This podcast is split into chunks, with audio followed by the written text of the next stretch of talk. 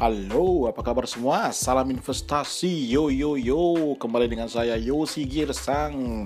Kali ini kita akan membahas gimana sih dampak dari penjualan saham Bank Permata yang dimiliki oleh saham yang dimiliki oleh eh, PT Astra International Tbk atau disingkat ASI di Bursa Efek Indonesia, di mana Uh, seperti kita ketahui minggu ini bursa efek Indonesia hanya efektif buka tiga hari.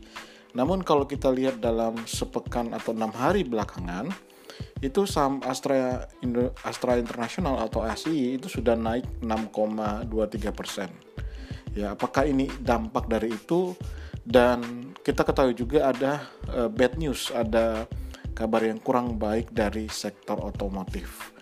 Mungkin uh, saya perjelas lebih sedikit uh, sorry perjelas lebih banyak di Rabu kemarin tanggal 20 Mei itu telah dilakukan transaksi penjualan saham Bank Permata atau yang disingkat dengan BNLI ya kalau di Bursa Efek Indonesia yang dimiliki oleh PT Astra International kepada Bank uh, Bangkok atau Bangkok Bank Public Company Limited itu sebanyak 12,49 miliar lembar saham. Atau ini porsinya dari total eh, saham beredar dari Bank Permata itu 44,56 persen. Di mana disepakati itu harga jual belinya adalah 1.346 rupiah per lembar saham sehingga efektif Astra International ICE itu akan menerima atau mengantongi sebesar 16,82 triliun rupiah yang mana nantinya ini akan dicatatkan sebagai penghasilan dari perusahaan dari ASI di tahun 2020 ini. Nah sebenarnya nggak cuma saham Astra yang dilepas ke Bangkok Bank, tapi juga saham dari Standard Chartered Bank yang juga memiliki dengan porsi yang sama dengan ASI sebesar 44,56 persen. Sehingga eh, secara praktis Bangkok Bank ini membeli total 89,12% dari kedua pihak ini atau kedua perusahaan ini. Nah, sebenarnya deal dari transaksi ini disepakati di rapat umum pemegang saham luar biasa yang dilakukan oleh eh, Bank Permata di tanggal 23 April 2020 yang lalu.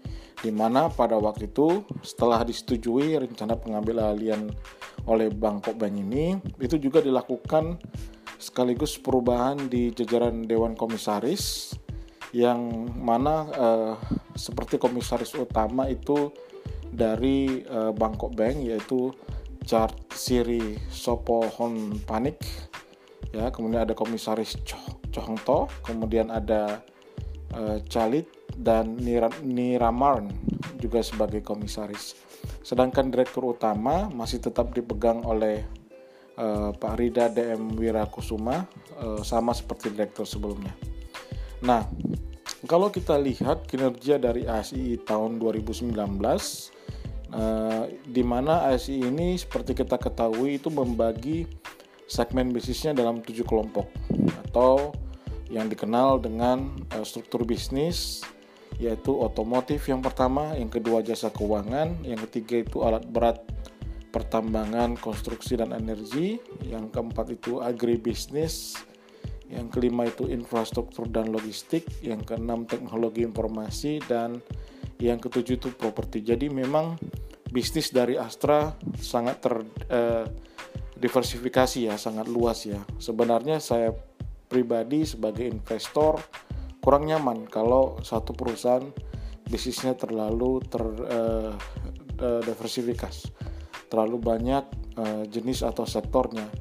Karena tentu itu akan berpengaruh pada imbal hasil yang diperoleh dalam rentang waktu tertentu.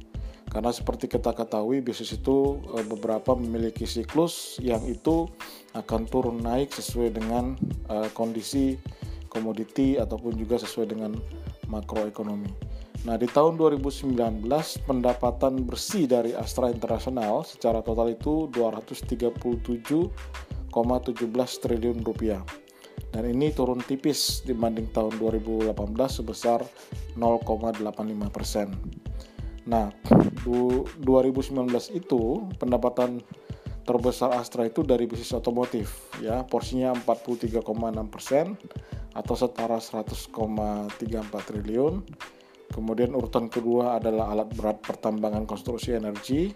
Itu 35,4 persen atau 84,1 triliun. Yang ketiga dari jasa keuangan 8,5 persen atau 20,26 triliun. Kemudian yang keempat itu adalah agribisnis sebesar 7,4 persen. Ya atau 17,45 triliun. Dan sisanya ada infrastruktur, teknologi informasi dan properti itu di bawah 4% semua.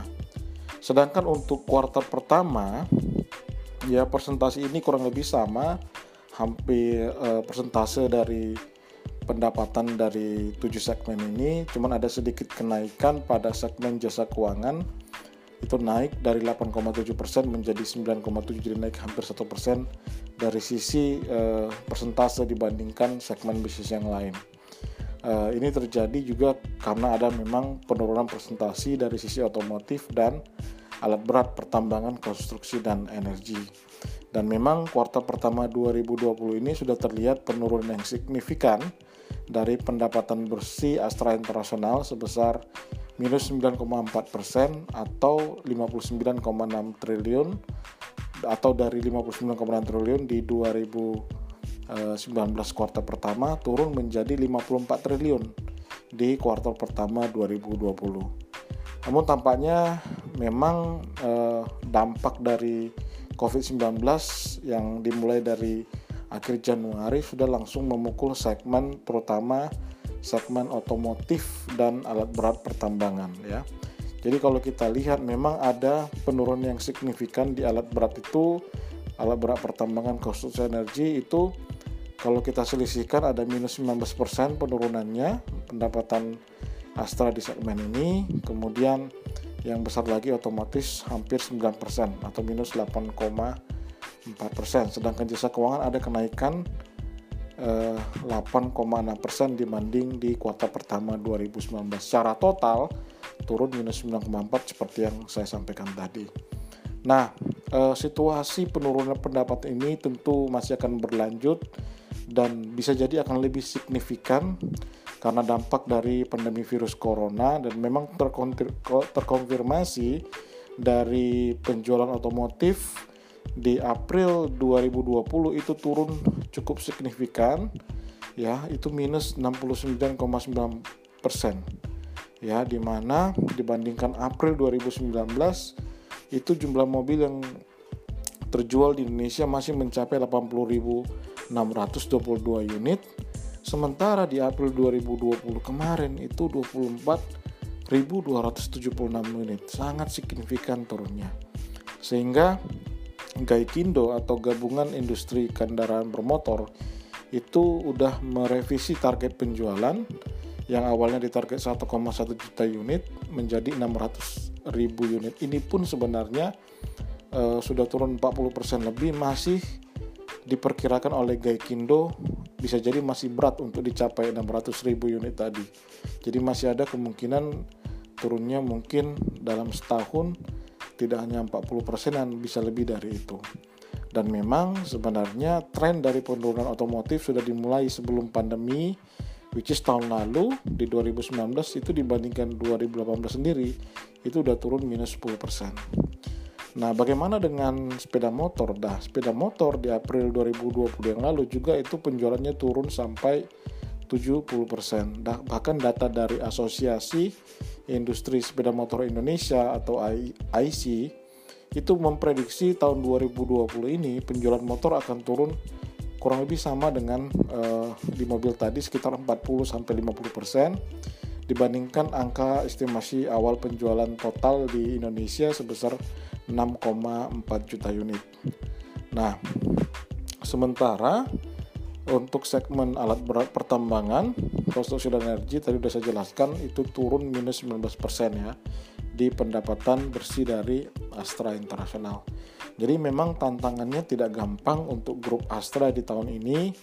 Nah, lalu eh, kami itu melakukan estimasi bagaimana kira-kira total pendapatan bersih dan laba bersih dari Astra sepanjang tahun 2020. Tentunya ini adalah estimasi yang kami lakukan dengan data atau fakta yang kami miliki, uh, di mana ketika terjadi penurunan signifikan uh, pada segmen otomotif, jasa keuangan dan alat berat, ya, jadi yang jasa keuangan pun kita asumsikan akan turun karena kebanyakan jasa keuangan ini kontribusinya adalah dari uh, apa leasing ataupun uh, kredit mobil ya maupun kredit sepeda motor di mana tadi angkanya turun hampir 40 sampai 50 persen ya. Jadi otomatis jasa keuangan Astra pun pasti akan terpukul. Sedangkan untuk uh, segmen bisnis agribisnis kami perkirakan mungkin masih ada pertumbuhan sedikit ya yang mungkin tercermin seperti di kuartal 1 2020 sedangkan segmen lainnya kami asumsikan itu flat ya sama dibandingkan 2019 sehingga kita perolehlah estimasi pendapatan bersih dari Astra atau revenue-nya di tahun 2020 ini itu akan sekitar 173 triliun, 96 ya atau itu turun minus 26,7 dibanding tahun 2019.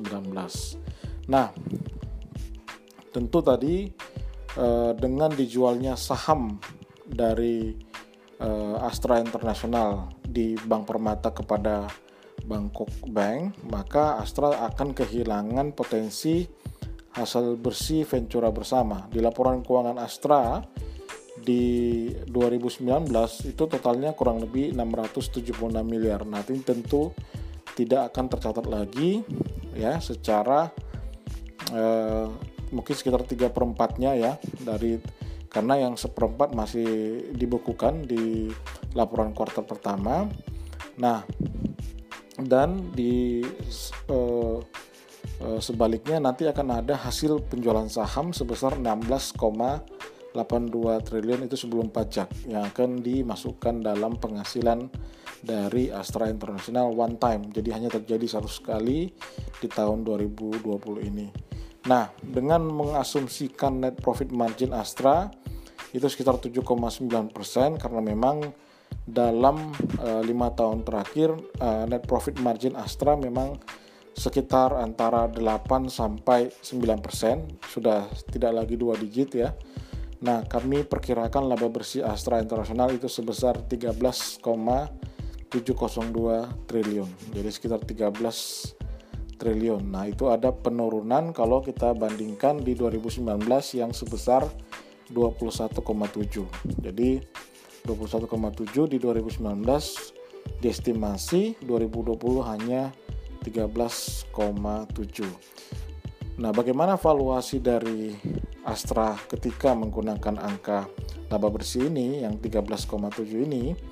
Nah, dengan jumlah saham beredar dari Astra itu 40,48 miliar lembar saham, maka kita peroleh e, laba bersih per saham itu atau EPS earning per share sebesar 30, 338 rupiah ya. Nah, e, penutupan di hari Rabu kemarin ya sebelum libur beberapa hari ini itu harga saham Astra e, sudah di level 3970 Artinya kalau kita mau menghitung price earning ratio atau PER dari Astra di harga ini dengan EPS 338 kita memperoleh angka PER 11,73 kali. Dan itu masih lebih rendah dibandingkan PER rata-rata terendah dalam lima tahun Astra yakni 14,4 kali.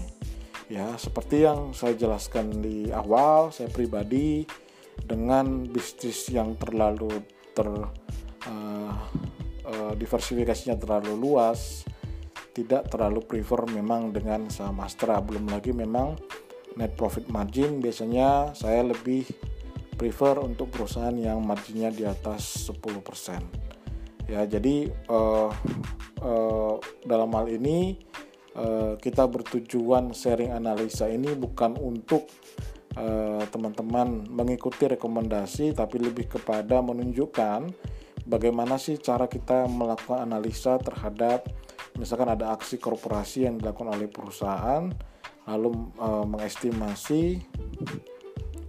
bagaimana cara untuk melakukan valuasi dan uh, kira-kira kinerja dari perusahaan dengan dampak dari pandemi COVID-19 ini.